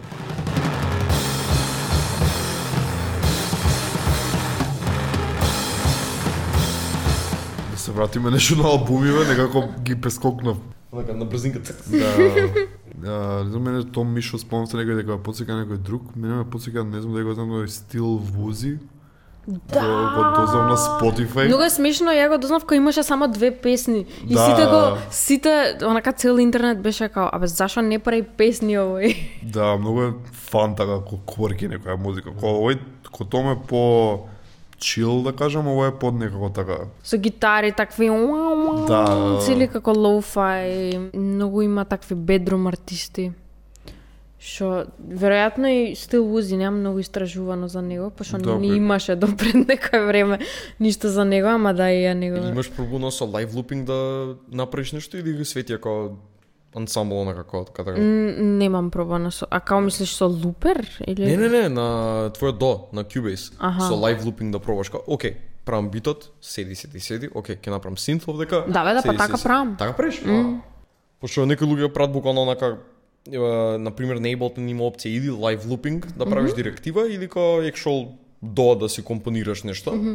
И многу луѓе ко вика дека за за компонирање песни добиеш инспирација, барем идеја е дека е многу добро со лайв лупинг да почнеш. Да бе, па јас така правам, на пример, или имам идеја, мелодија, нешто, или не знам, тапани, или клавир, и почнувам со нешто и после врз тоа само свирам 300.000 работи, многу траки правам и на крај само бирам делчиња што ми се свиѓаат. Не знам, на пример, 4 акорди има и врз тоа свирам милион работи и после тоа само го вадиш и додаваш работи. И плюс пошто јас сум поп има одредена нели форма како строфа рефрен, строфа рефрен. Мост, ти да, самиот луп го само поширок да буквално да, само копирам се и после бришам работи. Најчесто тоа го правам. Од многу работи одсвирени само бришам. И тоа е многу интересно пошто некогаш и спонтано, на пример, не знам. Имам во еден дел uh, кикови, хајхетс, снерови, бас и клавир. И во следниот момент, не знам, оставам само клавир и кик. И после враќам се и се и добар ефект се прави. Е, тоа е кул. Cool. Не, затоа и прашав као пошто не знам, тоа виндоуот на лупот е многу битен, пошто ја да. користам по 15-30 секунди, кога ќе направам нешто 15-30 секунди е, звучи супер и онака се суко. Што сега? Што е Е, следно? тоа е најтешко, Да, пошто што е следно? Да, Да, ми се епа, свиќа, ама што друго да правам, кога нема 30 секунди песна да пуштам, Да. кога нема смисла. И затоа баш тоа со Драги вчера го зборевме дека мене ми е многу тешко ќе оп- ќе почнам една песна и баш така како што викаш, како еден дел од песната ќе имам и сум како што сега? И ќе почнам нов нов проект на Cubase. па нов и се проект, па нов да, нов, нов, нов и не И се после ќе се на вратам на старото. тој и го мислам со саати и сум како не можам да смислам бе дел. Да, да, да, се дешава. Да, тоа. затоа ми беше тоа за, за лупинг секцијата, пошто како супер е за инспирација да добиеш да почнеш нешто, ама после Ај правиш? сега бе дел напред. За да ти имам тебе. Е, па тоа е тоа втората глава што ти треба. Да, да, да. Пошто ќе направам некој како луп секција и ќе дојде на гости и он ќе пиеме пивце нешто и му викам еј слушај ова, го пуштам и викам шо би стел тука. Кажувај, те молам, кажувај, ја немам појма, не знам што да правам следно И страф. затоа ми е. треба да отспие, као процеса, не, к- и затоа ја м, се нервирам сега, например, ја извадив EP во септември, извадив песна со Дуке Баджиев во декември и веќе во февруари, луѓе се као, Дина, кога следна песна? И сум као, луѓе, чекајте малце, Чекајте треба да малце, да. спие. Да, буквално сега поминати се 4 месеци од како извадив последна песна и ја уште работам на две песни кои што уште ги менјам. Као треба да отспие, треба, значи така функционира музика, да, као утре може друга идеја ќе добиеш. И исто е така многу смешно, например, нешто ќе почнеш ќе правиш, ќе брейнстормаш и ти е многу јако и другиот ден го слушаш и си као What the fuck? Да, што е, ова? бриши. Иначе кога мислам дека се расплакав, не знам да ти го кажала. Кога Стиви Феда многу убава секција 30 секунди, паднав у несвес колку добро ми звучи, се израдував и ја им експортирав, ја ставив на телефон и онака ја пуштам на тросет со Нено со цимерот, ја пуштам и кажам, еј, да, мора да чуеш, мора да чуеш. Онака си викаш трастиш со себе си. Да, дека јас се радував на слушалки звучи прекрасно и на телефон кој ја пуштив. Ова е срања, дека ми ка И само само синтоте? Да, има нешто друго? Викам, брат, има и баси и гитара. Кај е гитарата? Не, па така не се деси со джемање, кога джемавме со другари, веко меѓу првите два-три пати се соравме да свириме нешто демек. И знаеш, влагаш у ритам и свиревме два-три сати сигурно, ајде да снимиме нешто од тоа што го имаме свирено. И после сите идеме по дома и покажуваме на луѓе и мене и покажувам на девојка ми дома и сум као Еј, слушај го, зна- у тој момент звучеше топ. И с- го пушташ од телефон и си као Шо е ова? Бр. Ај заеби, не правиме бенд, не свириме. Да, да, нешто. сега се откажеш. Ама затоа имам чуено кога некој ја изрека, као шо и да направиш песна, шо и да снимиш, пушти у кола. А, да, да, Пушти ја така си ги тестирам. Да, да, тестирај си у кола, пошто ако у кола звучи лошо, лошо. Казам, брати се лошо. за те молам. А тој, и- не знам дали е тоа дел од као actual producing или е поеќе за мастеринг. Тоа сега да мислев, као дали, да, за дали ќе звучи добро у кола, на телефон, на лаптоп, слично на различни као хардвер. Аха. Дали е до мастерингот или е до јас сум дека дудук? мастеринг е да тоа да звучи исто сегде. Да, Да. Ама најчесто ќе звучи добро сегде. Као мастерингот не прави некоја голема разлика. И сега тука некој коментар, како не прави мастеринг? Што ти е те? Кога ќе симнеш ниски и високи не Некој редитор не бира да го пушта Да. цел реферат. Не, драги тука да пишува, шо? Не, и тоа ми се свија многу кај драги, пошто, например, кога почнавме прв пат да, да правиме музика, Uh, нели многу е хаотично, не знаеш од кај да почнеш песна да, Да, правиш. да, да. Си као чекај, ај ќе стам тапани, чекај, а усвари ти ја немаш главната мелодија што треба да води, ама ти више си направил као си ставил сите детали, не знам, реврснати гитари, си ставил све, ама мелодијата ја немаш и све тоа. И тоа беше многу јако нешто што го научив од него, беше као дај за мојава музика, ај прво да го имаме текстот и мелодијата и акордите, како без ништо да имаме песна. Да, бе, да. Као во живо да ја отсвириме и то, тоа е многу добар пристап. Да почнеш од живото, да ти звучи убаво само така, а после ти продукцијски можеш што сакаш да му ставиш. Ако само така е добро, после ќе биде Е, тоа ќе да прашувам ствари, као дали ти почнаш со текст или со инструмент, инструменталниот дел повеќе, ама ја.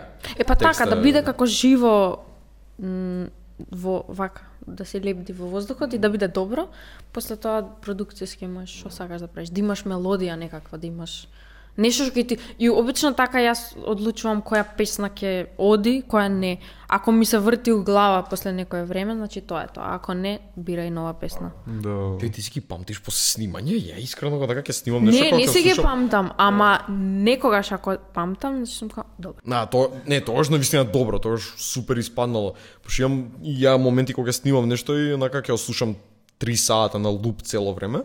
И со ќе се разбудам и викам, и што снимав вчера? И тоа е многу јако кога ти е свежо. Да, ама Пошто после ако го преслушаш, па ќе нема да знаеш после, што да, е да, да. И, и баш и тоа го зборевме со Драги како дека дека за тој момент микси мастер многу зафркнато да си правиш сам на себе микси мастер пошто ти веќе ја имаш преслушано додека си ја и имаш правил. некоја замисла за како ќе звучи, Да. веќе дека добро звучи. И после више ти се ти се досадила или немаш више осет за- да правиш микси мастер. И затоа е убаво друг човек тоа да го прави пошто. Ќе му пишам на Драги Летова. Нека се и пита да нека на мастер да направи. Дали дали од денешно време со тоа со Spotify, со YouTube и со компресија и со све тоа и луѓе што пуштат на телефон буквално, кога дали е толку битно на крај на денот. Кога нема на пример плочи порано, знаеш, плоча кога нели сите ја преизат кон вау, аудио Врвот е ова. Да, ова е врвот на аудиото као м, не знам што. Ама сега знаеш све е дигитално и сега дали прави толку разлика и дали е толку битно усвари. Знаеш е тактиката овдека? Знаеш е тената? Иди го имиджа дека ти е докшет звукот.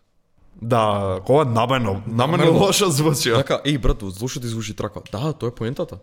Као јас сум Ти не ме артист. сваќаш. Тоа е ниско буџетно брат. Ниско Тоа е буџетно, мојот да, да, стил. да.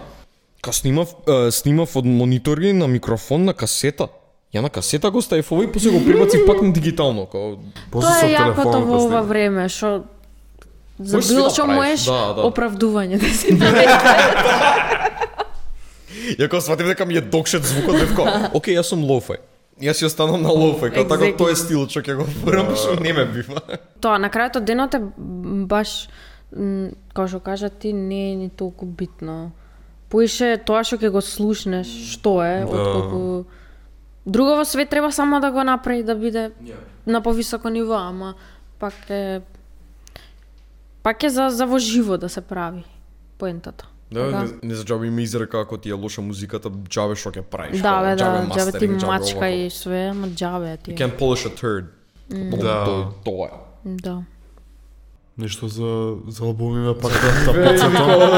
Кај има не знам, на пример, имаш некои омилени песни од некои од тие трите што не ги прати. О, да. Пример од Порто или од Хейли. Некој што Од Порто Морто Фата. Моргана. Me fata Morgana Да, тоа беше првата песна што ја чув и као те носи на шест места различни на крај и си као што се деси? Да. И вика на путу за нигде. Ја си направив цел список.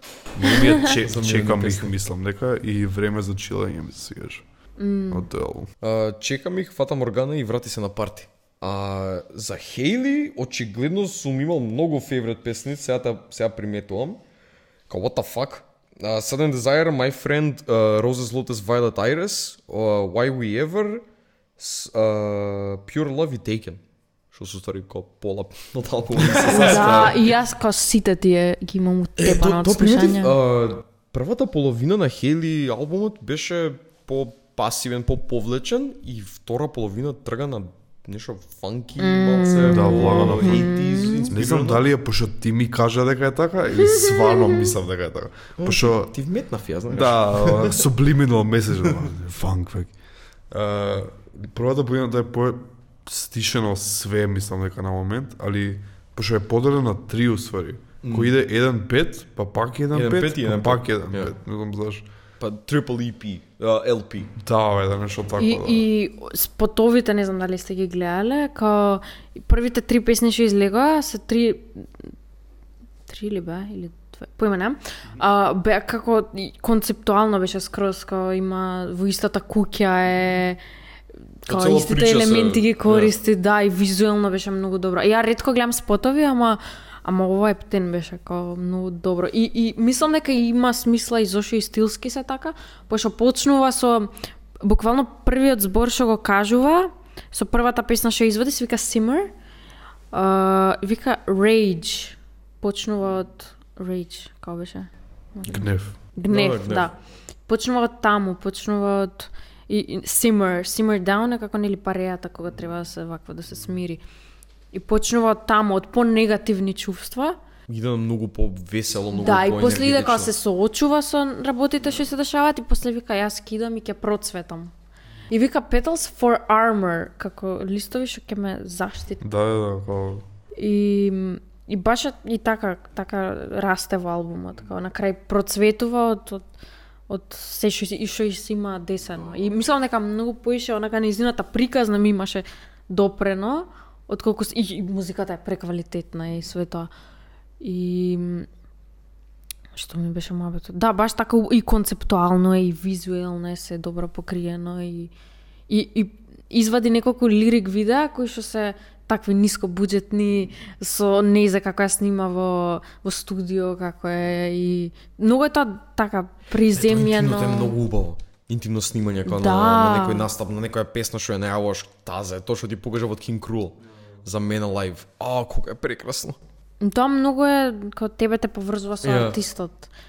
И и што друго? Многу е искрена и баш во едно интервју кажува колку си по наивна, дека нели општо луѓе се као чекај па никам да се соголам пред други, не сакам да да зна да се соголам психички, духовно тој аспект мислев. Као да си ги кажам моите слаби страни да ги покажам. И и вика баш како колку поише споделувам, толку поише луѓето сакаат да ме заштитат. И као, и тоа многу убаво, пошто се поврзуваш со луѓе и и сваќаш дека многу луѓе исто се чувствуваат и некако си помагаме со сочувство едни со други. И тоа многу мене ме, ме инспирираше и ме, ме мотивираше да да вадам ствари, пошто добивам фидбек за работи што сум ги пишувала кога сум била онака ептен доле и многу кога секој ден сум плачала и ужасно сум се осеќала и сум ги направила за да за да и за мене себе си да си помогнам и ги вадам и сами стигнуваат пораки од луѓе кај што плачат додека ја слушаат бои и ги допрела на некаков начин. И Како тоа реагираш на тоа? Како реагираш, мислам, кога добиеш порака од некој што, ре, ре, рекол, ја плачев на твоја песна. Значи, многу, многу ми е... Баш, така, леле, мило ми е што те расплака. Да, Расплакувам така немаш поима се распаднав емотивно си као, thank you, прекрасно. сакам да го постигнам. Ама не, нели е тоа поентата, како што Да, мене да. Хейли ме има допрено и да осетам работи што она поминувала низ нив, а ја не сум поминала, ама ги почувствував. Благо, Благо фала ти. А, и као, и сега јас тоа сум го направила за некој. Yes. Ком, тоа, мислам дека тоа е идеално за музичар пошто си допрел до некој. И, и тоа секогаш го викам, не ми е толку битен квантитетот на луѓе до кои што ќе допрам, колку што ми се битни луѓето што ќе ги допрам. И и тоа е, мислам, целта е исполнета. Кога пет луѓе сум допрела самата музика, толку. Као тоа ми е целта. А за не чуем момент, ама за интерпретација на твојата лирика. Кој е твојот став? Као некој, како да кажам, има некои артисти кај што чиста порака имаат пренесено со лириката за нивниот личен живот и за нивното искуство. Има некои артисти што секо ќе направам нешто поопшто, поамбигиозно, кај што може секој да се пронајде во тоа. Е, па јас сум нешто измеѓу. Веројатно и тежнам поише кон тоа општо, кај што може да се интерпретира на различни начини. И многу интересно дека нема толку македонски песни и мислам дека на македонски јазик кога ќе направиш нешто, се звучи на, на, на ново нешто. Пошто англиски, на пример, било што да пробаш да напишеш, веќе напишано. Да, веќе напишано, веќе е пробано, веќе пее. Ама македонски, пошто немаме, многу- особено во стилот во кој што ја нели се развивам и се, као многу од работите што ќе ги направам секако прв пат. Не се Да. прв пат направени, ама не се многу слушнати. Ретко се Да, испробувани. и плюс дека ми е мајчин јазик, многу подобро можам да се изразам, пошто да, нема премногу луѓе да ме разберат, ќе ме разберат луѓе од Македонија, ќе ме разберат можеби од околниве балкански земји, што се сватив дека и не разбираат толку. Ама тоа ми е е сега мајчин многу ме зачуди, со Срби да, ме и зачуди мене ме зачуди, и мене ме зачуди, ама вистина. Имам правено моабет со не знам, со србинка прошла година нешто така и кој свативме дека сме јас сум македонец, она е србинка, ја почнав на македонски да изборам како викам ќе ме разбереш. Да, као ја што да разбирам. Да, ми пише ми вика, еј, извини, ама ако дај може на англиски да збориме, пошто не те сваќам. Брат, абе лажат бе. Така се викам, Абе, како, лажат. како кој јад на српски свет те разбирам, Абе ти се мене не разбираш. се прават дека не разбирам. Да, лажа, лажа. Не за жал. А, ни пиша иначе што шернати а, Југо Блеја или нешто што имаат А, као на Инстаграм демек пром, промоција на балкански музичари света и ни викаат еј фала што не шернав не шернав некој пост и а, учиме македонски за да ви го слушаме подкастот. И го фала све топ, али Ама учиш да македонски, Да, не да, треба. да. Океј, не според мене. Да, не, има зошто, затоа што ние сме пораснати со повеќе српска музика и српски Па филмови. да, бе, да, да, да. А они, например, не се. И затоа многу ми е мило што имаме сега поише артисти што прават македонска музика и што во Србија сега буквално бев номинирана за uh, video? видео, Ја. да. И еве од Југо Блеја што ме ставаат во плейлисти и се. И како например и, и, и таму се и Funk Shui, и Дупер, и Зибомб, и Матеј Фолдс. И многу ми е мило, пошто има луѓе од Србија што можат да слушаат македонска музика и преку тоа да учат. Као, се преубаво.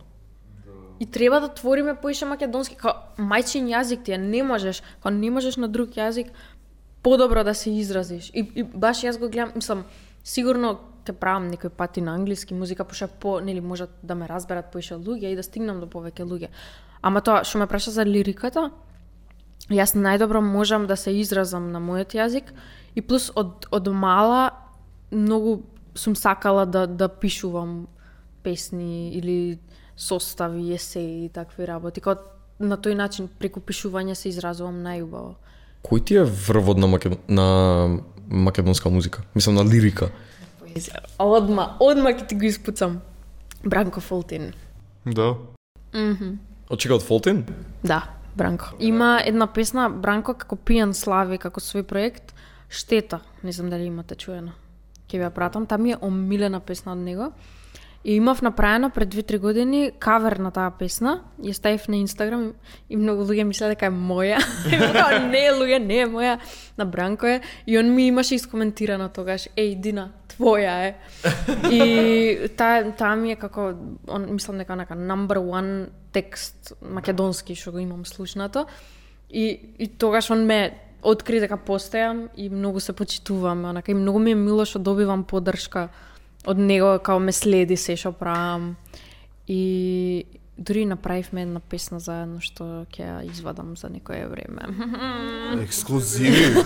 Многу ексклузиви него подкаст. И онака може да иде во и сечоците на почеток ти ти како ти зар ми зар- не. Не. И што ми беше муабетот. Да, многу ми е мило што добив поддршка еве и од Дуке Бојаджиев. Он дојде лани, уствари на тој концерт преска што ви го зборев на Синедејс кај што врнеше. Он дошол, ја не знаев дека е таму. И ме контактираше и бевме у студио одма и ја направивме убав ден што е последната песна од мене. И као мило ми е што вака многу се поддржуваме. Еве и со фанк шуи као ептен сме. Треба да има поддршка меѓу сите нас, особено што сме малку луѓе и убаво е да и сите се знаеме меѓу себе и убаво е да се поддржуваме и да си и тоа од Југо Блеја постот што вие го шернавте, баш нели тоа го пишува твој рачун ако правиш е, музика, што треба да правиш, да идеш на настани кај други луѓе, да им слушаш музика, да ги промовираш, да ги хајпаш, Да. И исто, значи ако правиш музика и општо како слушател дека треба да се поддржуваме. Да, баш. Дека последниве години тоа почна кај нас поеќе. Као Да. што ајпа ни подршка Да. артист Па не ни имаше нешто свежа македонска музика со години. И се затоа ми е многу мило што има бран на, на млади луѓе што прават музика Што и е меѓу као да речеме од 2012, 13 од 2019, 20 немаше. Немаше Па- нешто ново ново. Имаше Барем алтернативна да, музика, нешто алтернативна, по поише не некоја онака ме- мейнстрим, ама мејнстрим, и по по-така популарни со поише Да. views. Сум сега ти имаш колку кучки му се јадат и дека беше. Да, тоа секогаш ќе постои. тоа е класика песна. Класика, нека. Многу кучки му се јадат, стучки се дешават Дават, прават се шо сакам пичките ги А многу ми е јак луѓе и Ој, како се каже? Бон Проскиза. Бомбарски Има за... има еден албум Тоа што сакам Добро. и тоа што сакам тоа ќе прам на песната. И шеска и шо му е со шеска Да. И на пример тоа ми е мислам дека тоа ми е мото у моментов. Тоа што сакам тоа ќе прам. И стварно е као Тоа што сакам тоа ќе прам, брат. Хаслам Козаев. Не, аз, пест. А, тоа што спомна за овие Music Awards, а, за видеото што си номинирана за поп. Да, имаше пресконференција у Котур и ме поканија од Музик ТВ и и ја не, не знаев дека сум номинирана. Бев као, топ. Не беше преска спомна дека немаш некоја размислувано за визуелниот дел на на, на песните и одеднаш кој имаш спот на песнава и си н- не дека не сум размислувала, ама и тоа за повеќето од моите спотови као мои се концептите и идеите и сум се трудела за нив, ама пак секогаш може да иде боле и секогаш боле и боле. И као сега размислам како може да биде уште подобро. Да. Од тој аспект го мислев. Да, Пошто Порто Морто, пошто беше у контекст на Порто Морто, дека они се на пример екстремни, као идат со куки на глави. Да. текне, као Нема спотови кај нас секад ми биле некако општо на Балканот. Мислам дека има многу интересни спотови. Пошто таму а, стварно ми е интер... а, тоа кој искочи, мислам дека лани прв пат или не знам дали е прв пат, али кој искочи лани 2020 тие Music Awards, буквално седев и по секоја категорија, ајде се ова, ова, ова. И има многу кул концепти и све изведено и све тоа. И годинава има поише наши Да, Македо... например, фанк шуи се, не знам, мислам дека на пет вакви се Да, пет различни категории, да. Дупер ги има, Фолтинг ги има гениално, исто. Да. Uh, и, И зибом. и зибом, има, да. И тоа многу убаво, пошто и едни со други се мотивираме. И гледаш дека еден направил нешто и си као, гледа супер, ајде ја ќе направам нешто. И као, Да. ајде ќе се поддржиме. Еј, супер, ајде. И као, така функционира тоа, не ник, не може ник сам да функционира едноставно. Може да пробаш, ама не Да. не е и особено сега што успееш. бев у, у Белград, као запознав доста луѓе што се слични како мене, што таму го прават тоа. И викам, леле, супер. И, например, имаше, лани бев номинирана за Милан Младенович, како има во негова чест, нели Милан Младенович од ДКВ, како секоја година во септември на неговиот роден ден се одржува како да доделуваат награда на некој артист од Балканов. И ја бев со Бој номинирана и второ место бев. И беше многу јако, пошто таму се запознав со многу луѓе и многу луѓе дозна. Имаше како цедиња делеа со компилација и Фанк Шуи беа со невреме номинирани. И јако е, пошто таму ме препознаа луѓе и од таму нешто као запознав луѓе. И се, например, бе втор пат у Белград за да настапам прв пат. И, и така се гради тоа, знаеш, полека, полека и Пошто многу македонски артисти се као леле што ќе правам, ништо, а буквално прави не- тоа нешто може ќе ти донесе, нешто што не очекуваш. Да. Така да тоа е мојата порака. Секој ден е убав, само ако ти си Дино, фала што дојде. Се надевам Фала ви на убаво си појде наша дружба. И вие сте прекрасни, баш беше Ќе се видиме на, у Котур сигурно. или во парк. Или во парк. да, да пијачка на частен за младот. Да, да, кога ги доста спомнавме. реклама. Доста реклама. Нота спонсор. Ке ме видиш ке се карам пред шанк. Да не знаеш кои сме. Колку пати да спомнав на епизода. Дај ми и виски саур да ти имам. Парк Шема, сезона 2. Се, Па, па! Па па па па. се гледаме и слушаме. Да го направи ова.